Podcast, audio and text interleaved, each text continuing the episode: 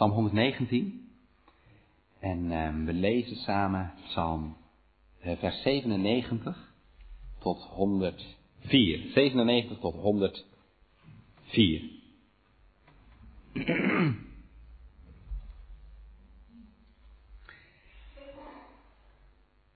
We luisteren naar Gods woord. Hoe lief heb ik uw wet. Zij is mijn betrachting de ganse dag. Zij maakt mij door uw geboden wijzer dan mijn vijanden zijn, want zij is in eeuwigheid bij mij.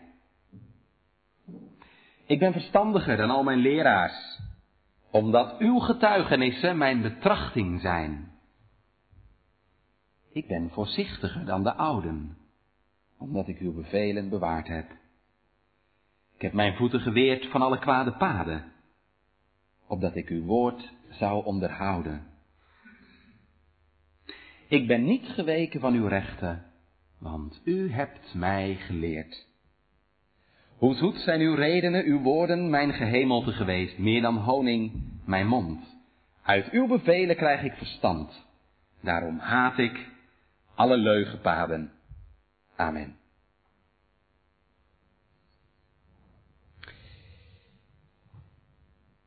Gemeente, zoals u weet, zal de mens bij brood alleen niet leven.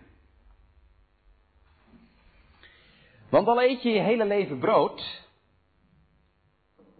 je sterft wel een keer. En daarom zegt Jezus, de mens zal bij brood alleen niet leven, maar bij alle woorden die uit de mond van God uitgaan. Als je echt wil leven, eeuwig wilt leven, dan zul je niet zonder Gods woord kunnen. En dat is gemeente waar het tekstgedeelte van vanavond bij bepaalt. Het gedeelte van vanavond bepaalt ons bij de noodzaak om Gods woord te betrachten. Vers 97. Hoe lief heb ik uw wet. Zij is mijn betrachting de ganse dag. Betrachten, is een beetje een oud woord. Het betekent zoiets als eh, overdenken, overwegen. Je zou het ook mogen vertalen met mediteren. Hoe lief heb ik uw wet. Zij is mijn meditatie, zo vertaalt de Engelse vertalingen, de ganse dag. Dus het gaat vanavond om de noodzaak om Gods woord te overdenken. Ik wil met u stilstaan bij drie punten, heel ouderwets. In de eerste plaats het nut van die overdenking.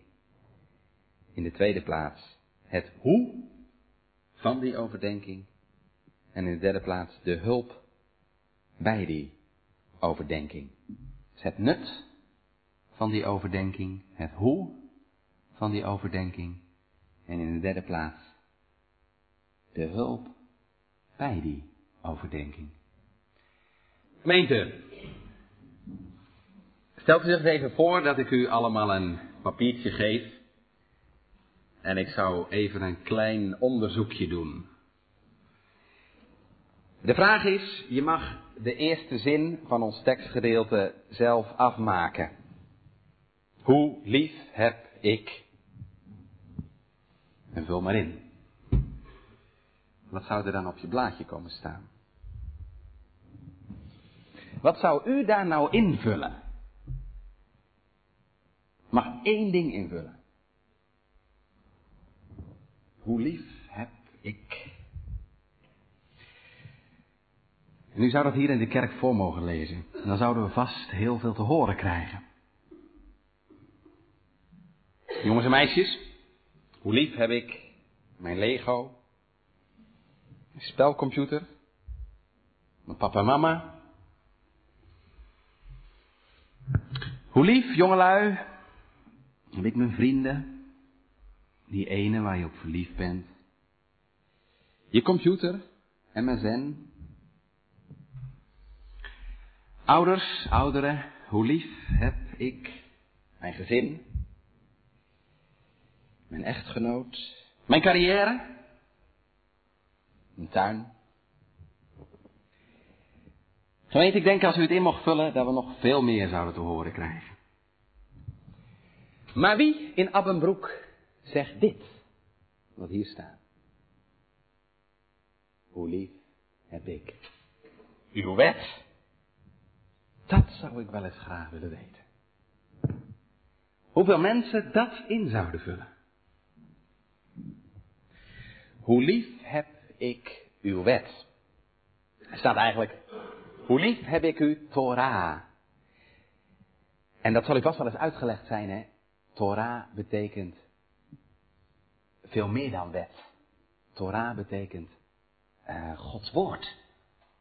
En dat, dat, is niet alleen maar de tien geboden of zo, of de, de wetten uit het Oude Testament. Nee, Torah betekent veel meer dan wet. Torah betekent onderwijzing. Alles waarmee de Heer je wil onderwijzen. Als u even meekijkt, je kunt dat heel mooi zien in het Hebreeuws in eh, vers 102. Er staat, ik ben niet geweken van uw rechten, want gij hebt mij geleerd. Geleerd. Het Hebreeuwse werkwoord leren is yara. En daar is Torah van afgeleid. dus Torah betekent zoiets als lering, als onderwijzing.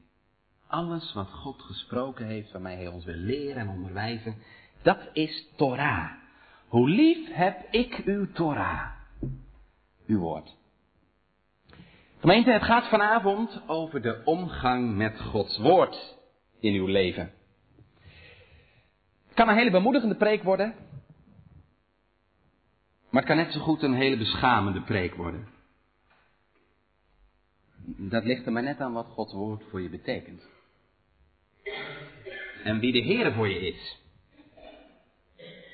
En gemeente, ik hoop dat u van doordrongen bent dat dat wel een belangrijke zaak is.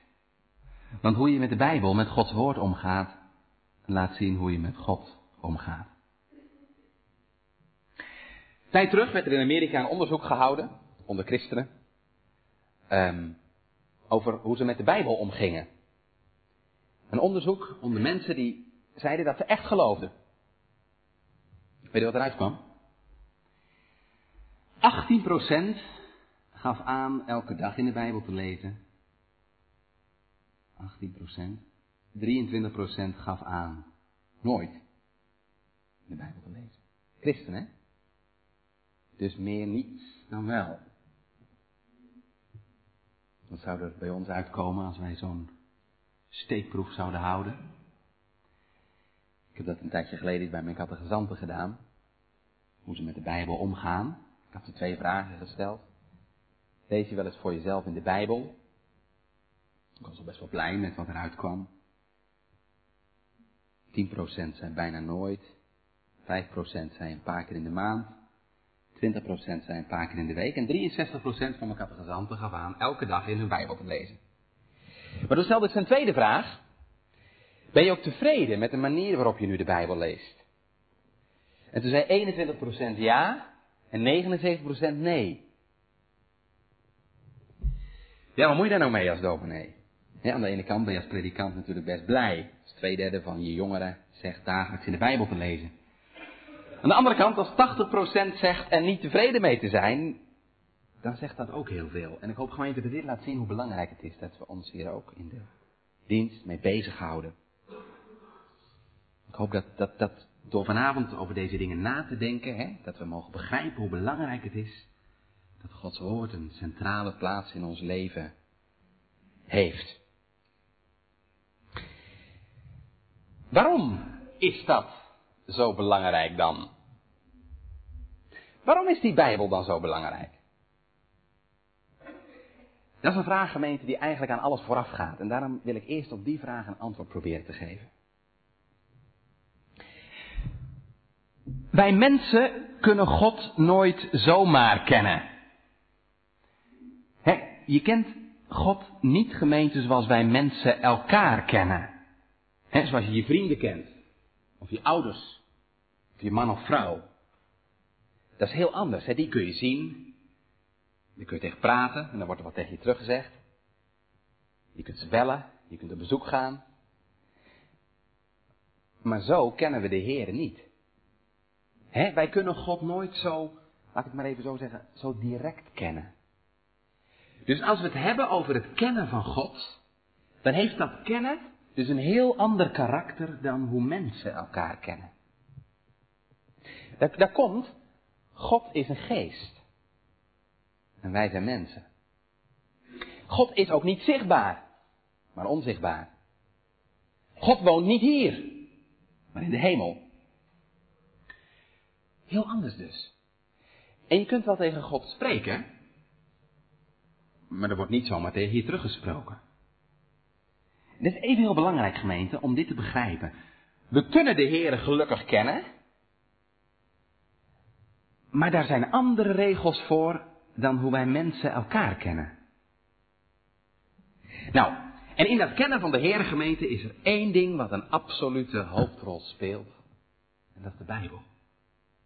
He, zonder de Bijbel is het niet mogelijk om de Heer echt te kennen. Oh, dominee. Dus je kunt God niet kennen zonder de Bijbel. Nou, een klein beetje. Maar dat is maar zeer ten dele. De Bijbel zegt, we kunnen iets, een klein beetje van God kennen uit de schepping. Dat zegt Paulus in Romeinen 1. Volgens Romeinen 1 kun je iets van Gods grote kracht en van Gods goddelijkheid kennen uit de schepping.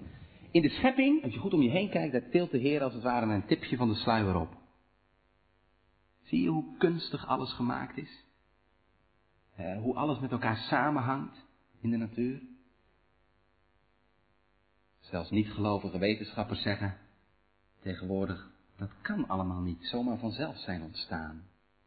Er zit een knap en ingewikkeld ontwerp achter. Dus je kunt iets van God kennen, maar dat is lang niet genoeg. Dat kennen van God uit de scheppinggemeente, daarmee ken je de Heer nog niet zoals die echt is. Paulus zegt, je kent net genoeg van God, dat je straks niet te verontschuldigen bent. En niemand kan straks tegen God zeggen, ik wist niet dat u er was. Elk mens weet echt iets van God. Niemand kan straks zeggen, uh, ik kende u niet, ik wist niet van uw bestaan af. Dat noemen we de natuurlijke godskennis. Maar wil je de Heer echt kennen, hè, in de rijkdom van zijn eigenschappen, in zijn heiligheid, in zijn goedheid, in zijn genade, dan heb je niet genoeg aan de schepping, aan de natuur. De schepping zegt ons niks over de Heer Jezus. Om God echt te kennen, ben je aangewezen op zijn woord. De Bijbelgemeente is de brief die God aan de mensheid heeft geschreven. In onze taal, in onze woorden, zodat wij kunnen begrijpen en verstaan wie God is. En je zou kunnen zeggen, de Bijbel is Gods communicatiemiddel. En dat betekent gemeente, dat is wel even belangrijk, tussen God en ons, daar staat altijd de Bijbel in. Wil je God kennen, dan kun je niet om de Bijbel heen. Zo heeft God dat gewild. Zo spreekt Hij tot ons. Want gemeente, wat kun je nou eigenlijk over God en zijn plan weten zonder de Bijbel? Alleen de Bijbel geeft echte antwoorden. De Bijbel geeft antwoord op de diepste vragen die wij mensen stellen. Hoe komt het dat deze wereld er is? En dit oneindig grote universum. De Bijbel zegt, omdat God alles gemaakt heeft. Hoe moet je nou leven? Hoe weet je nou wat goed en kwaad is? De Bijbel zegt, luister naar de wet van God. Hoe komt het dat er zoveel verkeerd gaat? Dat wij mensen tot zoveel verkeerde dingen in staat zijn. Diefstal, moord, overspel, leugen. De Bijbel zegt dat komt omdat wij mensen die wet van God niet houden. En hoe komt het dan dat wij de wet van God niet houden? De Bijbel zegt dat komt door de zondeval. Omdat we zondaren zijn geworden. Wat is eigenlijk het doel van je leven? De Bijbel zegt het doel van je leven is dat je God leert kennen. Dat je met Hem verzoend wordt en dat je eenmaal eeuwig met Hem mag leven. Hoe moet dat dan? Hoe kun je God dan leren kennen? De Bijbel zegt door berouw te hebben over je zonde, door bekering en geloof in de Heer Jezus. Blijft alles in deze wereld zo doorgaan zoals het gaat? De Bijbel zegt van niet. Er komt een nieuwe schepping aan. Gemeente, zonder Gods woord zouden we hier allemaal niks van weten. Dan is je leven één aaneenschakeling van vragen. Vragen, vragen, maar geen antwoorden. Dan ben je net als een blinde die aan de wand tast. En daarom, en daar wil ik vanavond een dikke streep onder zetten, en daarom is de Bijbel een geweldig geschenk van God. Heb je er wel eens zo tegenaan gekeken? De Bijbel is moeilijk. De Bijbel is saai, zeggen mensen.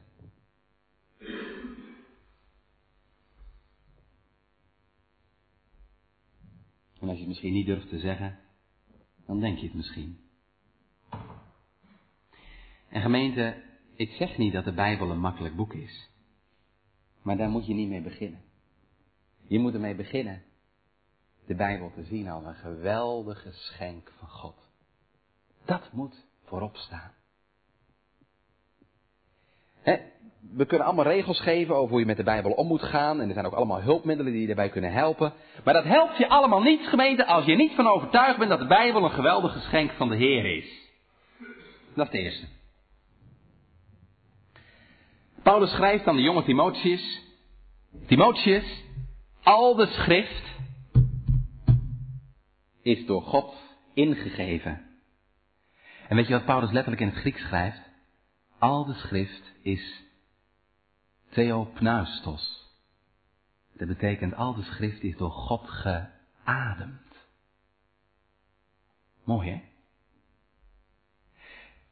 Toen die mensen, die profeten en die apostelen hun boeken en hun brieven schreven, toen ademde de Heilige Geest daarin mee. Ja, de Bijbel is door mensen geschreven en tegelijkertijd door God geschreven. Het is een menselijk boek, maar het is meer dan dat. Het is Gods boek. De apostel Peter zegt in 2 Petrus 1, de profetie is vroeger niet voortgebracht door de wil van mensen, maar de heilige mensen van God, door de Heilige Geest gedreven, hebben ze gesproken. Dat geeft de Bijbel zijn gezag. Het is Gods woord, door Hem geademd.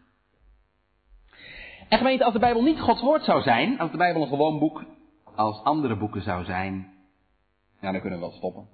We kunnen wel stoppen. Spurgeon gebruikt ergens het voorbeeld van uh, signaalpalen langs, de spoor, langs het spoor. stel voor dat de signalen langs het spoor niet meer werken. Dan gaat het mis met de trein.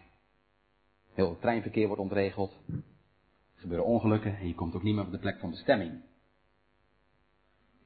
Stel nou voor dat wij langs de spoorlijn van ons leven niet meer Gods signaalpalen hebben staan. Ontspoor je. Dan kom je nooit op de plek van bestemming. Gods woord is net als die signalen langs de spoorlijn. Als je ze gehoorzaamt en ze volgt, dan kom je veilig aan. Dus de Bijbel is Gods geschenk. En u weet, als je een geschenk krijgt, dan moet je er dankbaar voor zijn. Heb je dat wel eens gezegd? Heb je dat wel eens gezegd tegen de Heer, Heer, dank u wel voor uw woord. Als ik dat niet had, Heer, dan zou ik verdwalen. Als ik dat niet had, Heer, dan was ik dezelfde gebleven. Dan was ik steeds blinder en steeds dover en steeds ongevoeliger geworden. Maar nu mag ik uw woord hebben. En dat geeft licht. En daarin mag ik uw stem horen. Heb je zo wel de Heer ervoor gedankt? Bijbel is Gods geschenk. Het enige middel waardoor je de Heer echt kunt leren kennen. En daarom is het ook van levensbelang dat je op de goede manier met Gods woord omgaat. He, zoals hier gezegd wordt. In vers 97, zij is mijn betrachting de hele dag.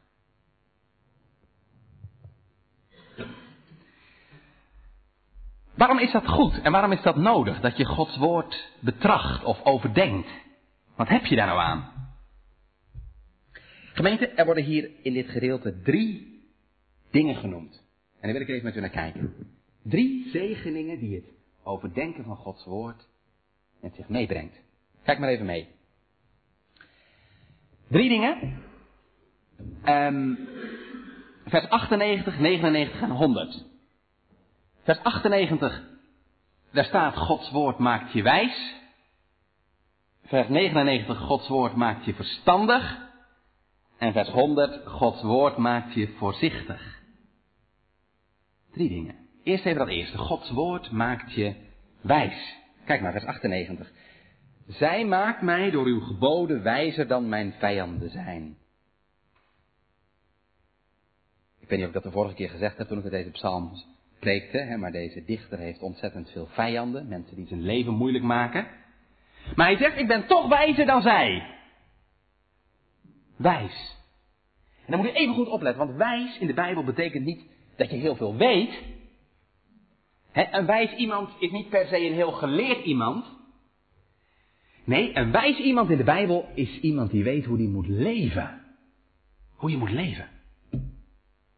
Dat je weet hoe je moet handelen. Dat is wel even belangrijk, want je kunt heel geleerd zijn en toch niet wijs zijn.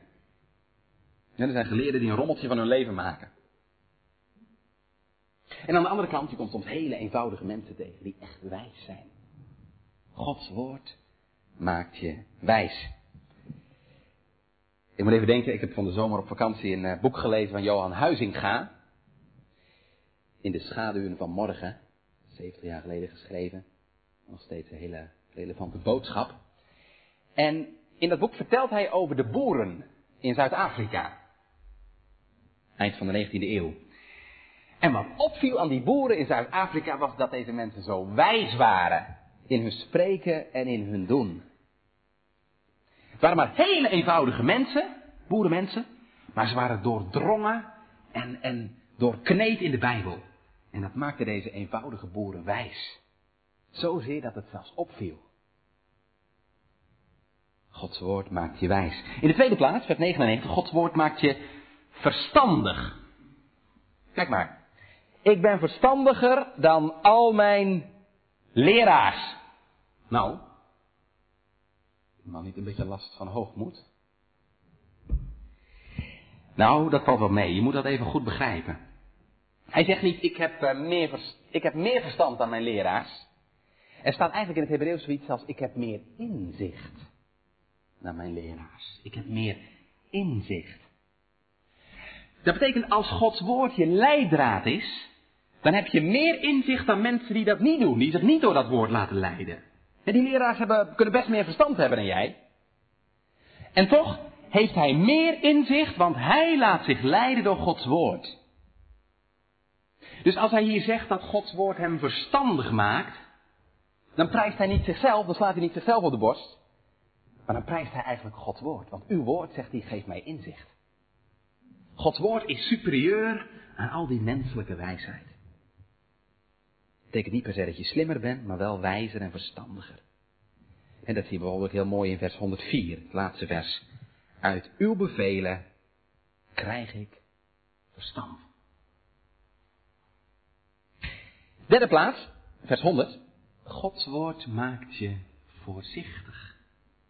Kijk maar.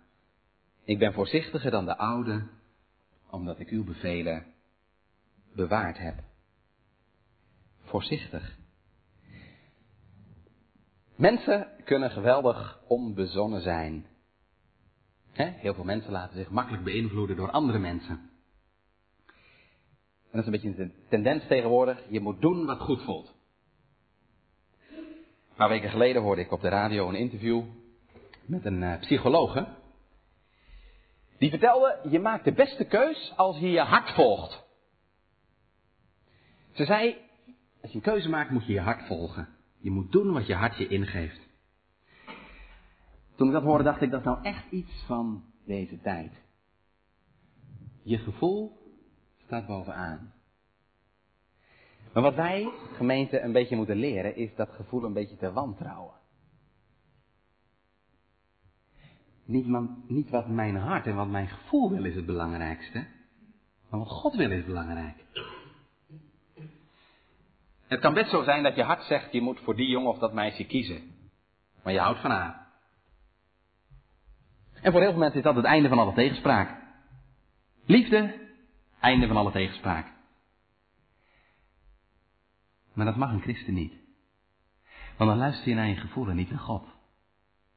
En veel belangrijker is het, wat vindt God ervan?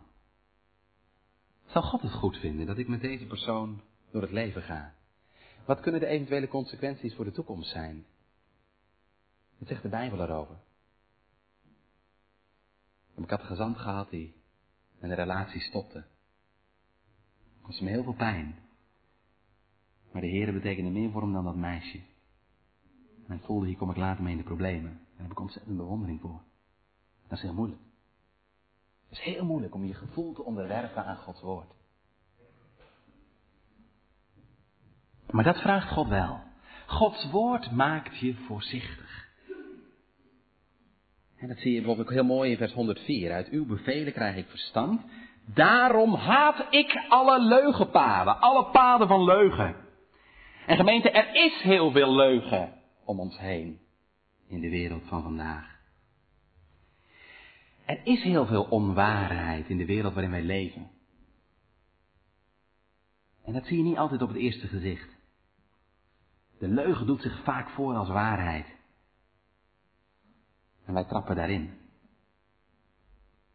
He, een van die leugens die je vandaag overal tegenkomt, dat is de leugen van het individualisme. De ikgerichtheid. Doe wat je wilt, maar je bent toch vrij om te kiezen wat je wilt? Mensen stappen in een relatie omdat hun dat bevrediging geeft. Nou, als het geen bevrediging meer geeft, dan stop je er toch gewoon mee. In zo'n klimaat is er bijna geen plaats meer voor trouw. die leugen van het individualisme, dat zie je overal om je heen, die breekt duizenden relaties en gezinnen kapot. En daarom zegt de Bijbel, Paulus zegt dat in Efeze 6, je moet je lendenen omgorden met de waarheid. De waarheid van Gods woord. En als je dat doet, gemeente, dan ga je de leugens om je heen zien. En dan ga je er ook leren doorheen te prikken. En weet je, dat is misschien nog het meest ingrijpend, dan ga je ook de leugenpaden in je eigen leven zien. De dingen die niet kloppen. En dan ga je het haten.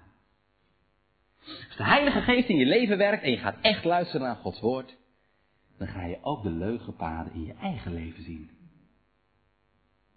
En je gaat het haten. En je gaat ermee breken. Dus Gods woord wil ons voorzichtig maken. Denk dus niet eerst wat vind ik ervan of hoe voelt het. Ik zeg niet dat het helemaal onbelangrijk is, maar de belangrijkste vraag moet zijn, wat vindt God ervan? Nou, dus drie voordelen die het overdenken van Gods woord met zich meebrengt. Het maakt je wijs, verstandig en voorzichtig. Maar hoe doe je dat dan? Hoe kan Gods woord je wijs, verstandig en voorzichtig maken? Nou, dan moet eens even kijken naar het tweede stukje van vers 98. Moet luisteren. Um, zij maakt mij door uw geboden wijzer dan mijn vijanden zijn, want zij is in eeuwigheid bij mij. Gods woord, zegt hij, is altijd bij mij. Hé, hey, daar zit een verband tussen, dat moet u even goed oppikken. Als je wijs wilt worden, moet Gods woord altijd bij je zijn. Uw woord is altijd bij me. Dus dat niet maar af en toe, maar elke dag. Als je thuis bent, als je op vakantie bent. Als de kinderen al zingen, hè, lees je Bijbel, bid elke dag. Jongelui, probeer elke dag in de Bijbel te lezen. Sla dat nou niet over. Ook niet als je geen zin hebt. Probeer daarin te volharden, want ook hiervoor geldt de aanhouder wint. als Gods woord Als je wijs wil worden, zegt dit gedeelte, dan moet Gods woord altijd bij je zijn. Je ziet het bijvoorbeeld heel, heel mooi, en dan zou je even terug moeten bladeren, in, bijvoorbeeld in vers 11. Ik had een hele mooie tekst. Daar zegt hij, ik heb uw reden, uw woord in mijn hart verborgen, opdat ik tegen u niet zou zondigen. Ik heb uw woord in mijn hart verborgen, opdat ik tegen u niet zou zondigen. Dat is echt waar, gemeente. Dan kan het zijn, hè? Dat je in een moeilijke situatie zit. Of dat je soms tot zonde wordt verleid. Op wat voor manier dan ook. En dat er opeens een woord uit de Bijbel door je heen schiet. Zodat je weet, niet doen. Niet doen, dit is niet goed, dit wil de Heer niet.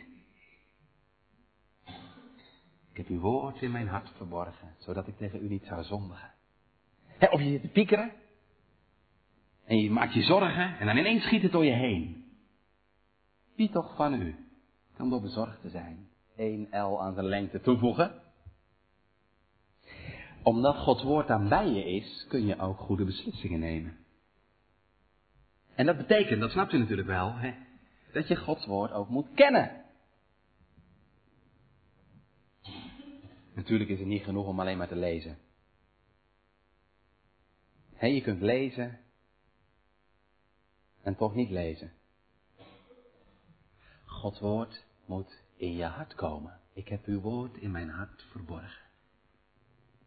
Daarom is het zo nodig dat je ook vraagt of de Heer zijn woord voor je wil zegenen. Wat heb je daar dan voor nodig? Daar heb je maar één ding voor nodig. Maar dat ene is wel onmisbaar. Daar heb je liefde voor nodig. Want het gaat in de Bijbel niet om allemaal regeltjes of zo. Het gaat in de Bijbel om liefde. Dat zeg ik, want je zou misschien kunnen denken, als ik de regels maar opvolg, dan kom ik er wel. Nou, als je zonder liefde met Gods woord bezig bent, dan loop je vast. je kunt heel wettig met de Bijbel omgaan. Je hebt genoeg mensen die elke dag trouw een paar hoofdstukken lezen. Maar ken je dan de Heer? Nou, dat hoeft helemaal niet. Farizeeën en de schriftgeleerden waren ook ontzettend goed thuis in de Bijbel. Dus zie je, kennis is heel belangrijk. Maar het is niet het belangrijkste. Het gaat om de liefde tot God. En als je de Heer lief hebt geweten, dan krijg je ook zijn woord lief. Dan zeg je, als ik de Heer wil kennen en ik wil hem beter leren kennen, dan kan ik niet meer zonder zijn woord. Hoe lief heb ik uw woord? En kijk ook maar eens even naar vers 103. Dan zegt hij, hoe zoet zijn uw redenen, uw woorden voor mijn gehemelte geweest. Meer dan honing mijn mond. Uw woord, heren, is zoet voor mij. Zoeter dan honing. Dus deze man, die heeft smaak in Gods woord. Dat heeft de Heilige Geest hem gegeven. Dat kan niet anders. Dat heb je echt niet uit jezelf hoor. Maar heel eerlijk zijn vanavond, van huis uit hebben wij Gods woord niet lief.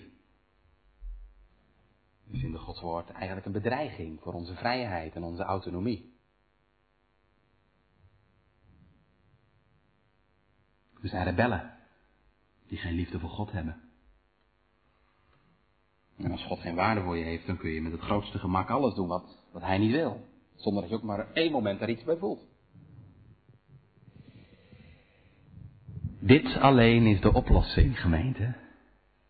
Liefde. Voor God. Ik kan u allemaal tips en aanbevelingen geven. Maar je zult eerst die liefde moeten hebben. Zo nodig dat de Heer zijn liefde in je hart uitstort. En dan ga je beseffen, hè, als ik in relatie met de Heer wil leven, dan kan ik niet meer buiten zijn woord. Moet eens kijken hoe lief deze man Gods woord heeft. Uh, dat kun je zo al zien als je even naar een paar werkwoorden kijkt. Ik heb het misschien al wel eerder hier gezegd, maar, maar die werkwoorden in Psalm 119, die zijn ontzettend belangrijk. En die werkwoorden, die kunnen denk ik ons ook helpen. Hoe je met Gods woord moet omgaan. Kijk even mee. Even een paar werkwoorden. Vers 100. Ik ben voorzichtiger dan de oude, omdat ik uw bevelen bewaard heb. Werkwoord bewaren. Dus Gods woord liefhebben betekent Gods woord bewaren. Nou, wat bewaar je? Iets waar je zuinig op bent. Dat bewaar je. Omdat je het kostbaar vindt. Nou, zo moet je dus met Gods woord omgaan, als iets kostbaars. Vers 101. Ik heb mijn voeten geweerd van alle kwade paden, opdat ik uw woord zou onderhouden. Werkwoord onderhouden. Onderhoud, dat besteed je aan iets wat je de moeite waard vindt.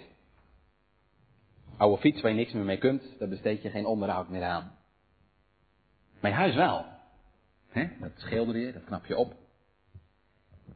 Het ligt heel dicht tegen bewaren aan, onderhouden.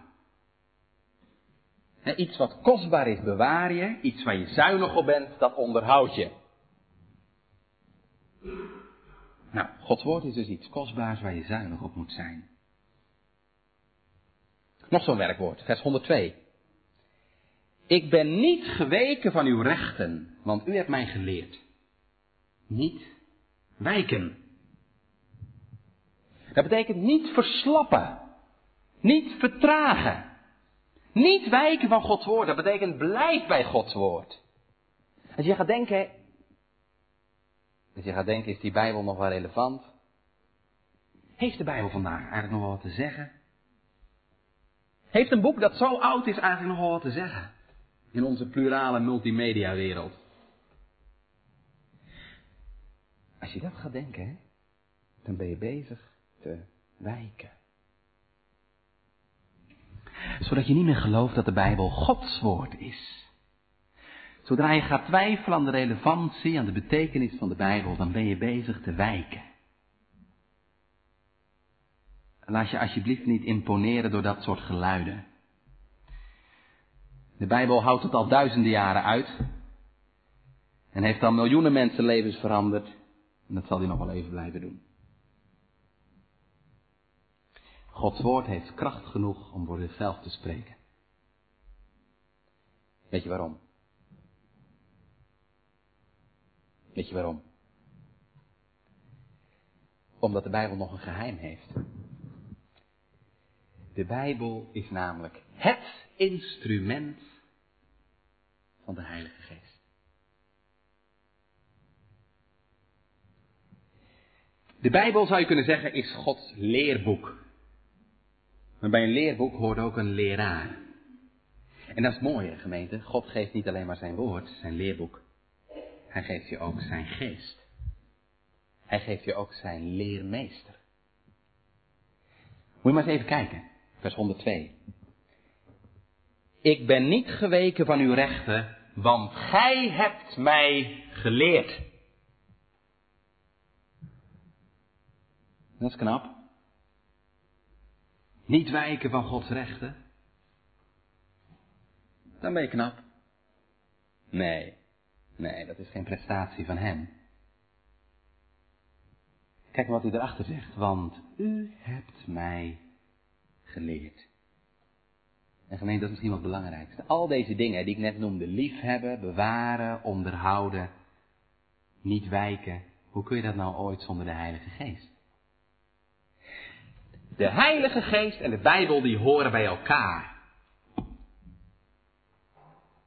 Dat is net als twee handen die gevouwen zijn. Eén kan niet zonder de ander. De Bijbel en de Heilige Geest horen bij elkaar. Ik heb wel eens gezegd, um, de Bijbel, dat zijn de handen van de Heilige Geest, waarmee hij je vastpakt en in de kraag grijpt. En je vasthoudt, je leven lang. En daarom vraag God ook om deze leermeester. Anders red je het echt niet hoor. We hebben de Heilige Geest ontzettend nodig. Om je luiheid te verdrijven. Om je onwil te breken. Om je doodsheid weg te nemen. Om je te herleven. De Heilige Geest wil het woord levend voor je maken. Dan ga je ook beleiden. Hoe lief heb ik uw wet. Er zijn vandaag de dag gemeente heel veel zorgen als het gaat over het gebruik van de Bijbel. Dat heeft met verschillende oorzaken te maken.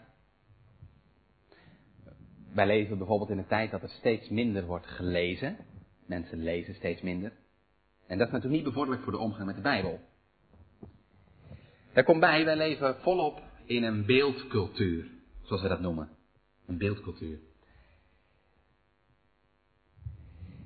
Weet u hoeveel tijd de gemiddelde jongere van 16 jaar in Nederland voor de tv heeft gezeten? 16 jaar. Gemiddeld. 12 tot 15.000 uur. Mag je thuis uitrekenen hoeveel dagen dat zijn? Dan heb ik het nog niet over internet. 12 tot 15.000 uur. Dat zal misschien onder kerkmensen wat lager liggen. Maar dan mag je toch de vraag stellen: hoeveel uur is er nu voor de Heer en zijn woord bij? Dat krijgt de wereld vaak veel en God weinig.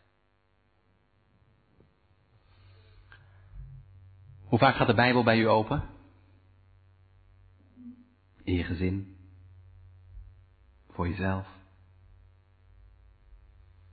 Het is misschien wel goed dat we dat van elkaar niet weten allemaal. Iemand heeft eens gezegd, als alle kerkmensen die hun Bijbels niet of nauwelijks lezen, allemaal tegelijk hun Bijbel eens open zouden doen, dan zou de grootste stofstorm uit de geschiedenis ontstaan. En ik zei al gemeente, ik zeg niet dat de Bijbel eenvoudig is. En toch geloof ik, hè, als je biddend met Gods woord bezig bent, dat zelfs de meest eenvoudige mens genoeg voedsel kan vinden. Alle waardevolle dingen kosten inspanning. Bijna alles wat waardevol is, daar moet je wat voor doen. En je kunt vandaag vaak met eenvoudige hulpmiddelen ontzettend ver komen. Hè? Er zijn nog nooit zoveel goede, schriftgetrouwe dagboeken geweest als vandaag, waarin het stukje wat je leest ook uitgelegd wordt voor kinderen, voor jongeren, voor ouderen. Geef dat elkaar eens op je verjaardag.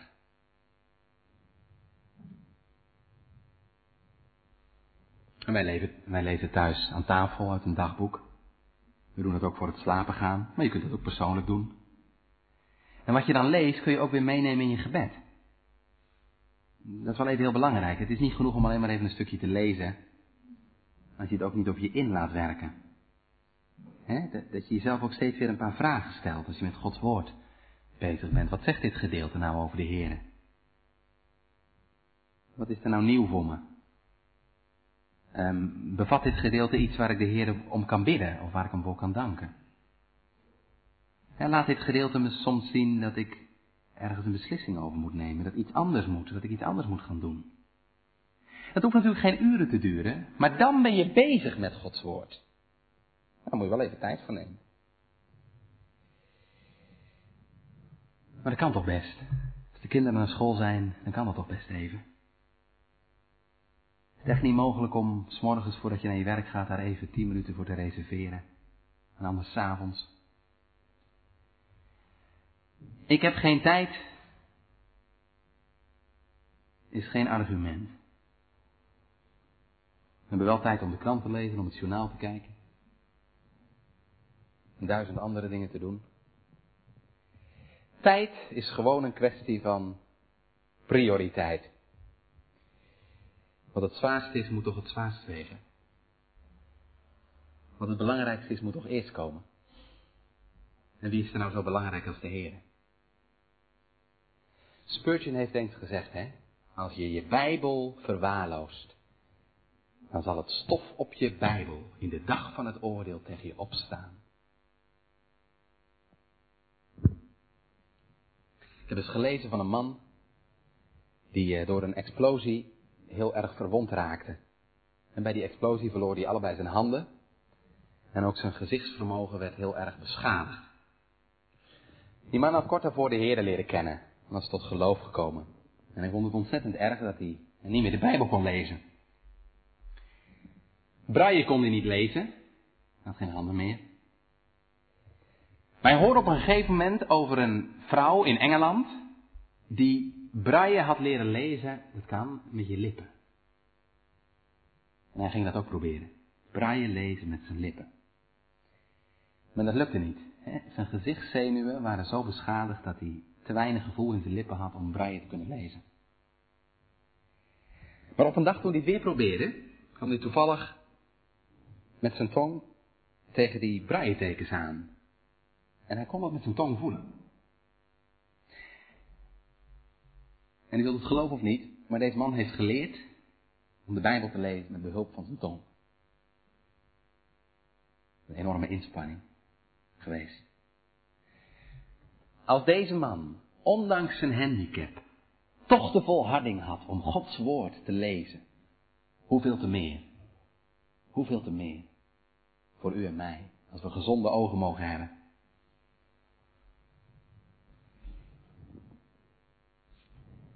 En ik ben er diep van overtuigd, gemeente, als wij als kerk en u als ouders onszelf en onze kinderen niet de Bijbelse grondbeginselen meegeven, dan hebben wij als kerk geen toekomst. De Heer zegt hè, in Deuteronomium 6, je moet mijn woorden bij je kinderen inscherpen. En daarover spreken. Als je in je huis zit. Als je op de weg gaat. Als je neerligt. Als je opstaat. Doe je dat? Scherp je je kinderen Gods woorden in? Dan moet je beginnen bij jezelf. Wat heb je tegen je kinderen te zeggen als je het zelf niet doet? En als wij als ouders niet praten, hoe zullen onze kinderen dan profiteren? Ik ben zo bang, gemeente, dat wij daarin zo verschrikkelijk falen. En ik ben er diep van doordrongen, dat los je niet op. Door wat regeltjes en tips, hoe praktisch die ook zijn. De Heere zegt, ik wil dat je erover spreekt. In je huis, onderweg, als je ligt, als je staat. Wat ben je dan voor iemand? Dan ben je vol van Gods woord. Hé, hey, hoe raak je nou vol van Gods woord? Zodat het altijd bij je is, net als deze dichter. Hoe raak je vol met Gods woord? Dan moet je vervuld worden met de Heilige Geest. Zou dat de oplossing zijn? Ik weet het wel zeker. Wij hebben de Heilige Geest nodig. Zodat je vervuld raakt met Gods woord. En het altijd bij je is. Omdat je zo vol bent van wie de Heere is. Als de geest van God gaat werken, gemeente, dan word je vol. Dan word je vol van God. Dan word je vol van zijn woord. En de Heer heeft gezegd, het zal zijn in het laatste der dagen. Ik zal uitstorten van mijn geest op alle vlees. En uw zonen en uw dochteren, je kinderen zullen profiteren. Profiteren omdat je zo vol bent van Gods woord. Dan kun je het niet meer voor je houden. Dan moet het eruit. Omdat je zo vol bent van God. Dat hebben we nodig.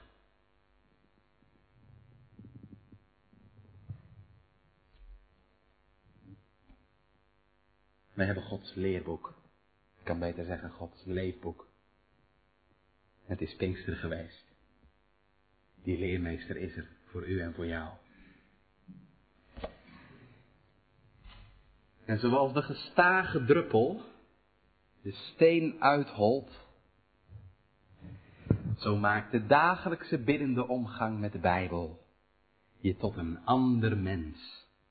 Een mens die in nieuwheid van leven mag wandelen voor Gods aangezicht. En gemeente, daar sluit ik mee af. Het is niet voor niks. Nee. Als je Gods woord leest, als je hieruit leeft, dan komt er straks een dag. Ja, wat voor dag? Dat je Bijbel niet meer nodig hebt. Dat je je ogen voor de laatste keer dicht doet. En dan, als je ze weer open mag doen, dan zie je Hem, Jezus Christus vlees geworden woord van God, over wie je hier hebt gelezen, maar die je daar mag zien van aangezicht tot aangezicht, in alle eeuwigheid. Want hij heeft gezegd, die mijn woord hoort en gelooft in hem die mij gezonden heeft, die heeft het eeuwige leven. Amen.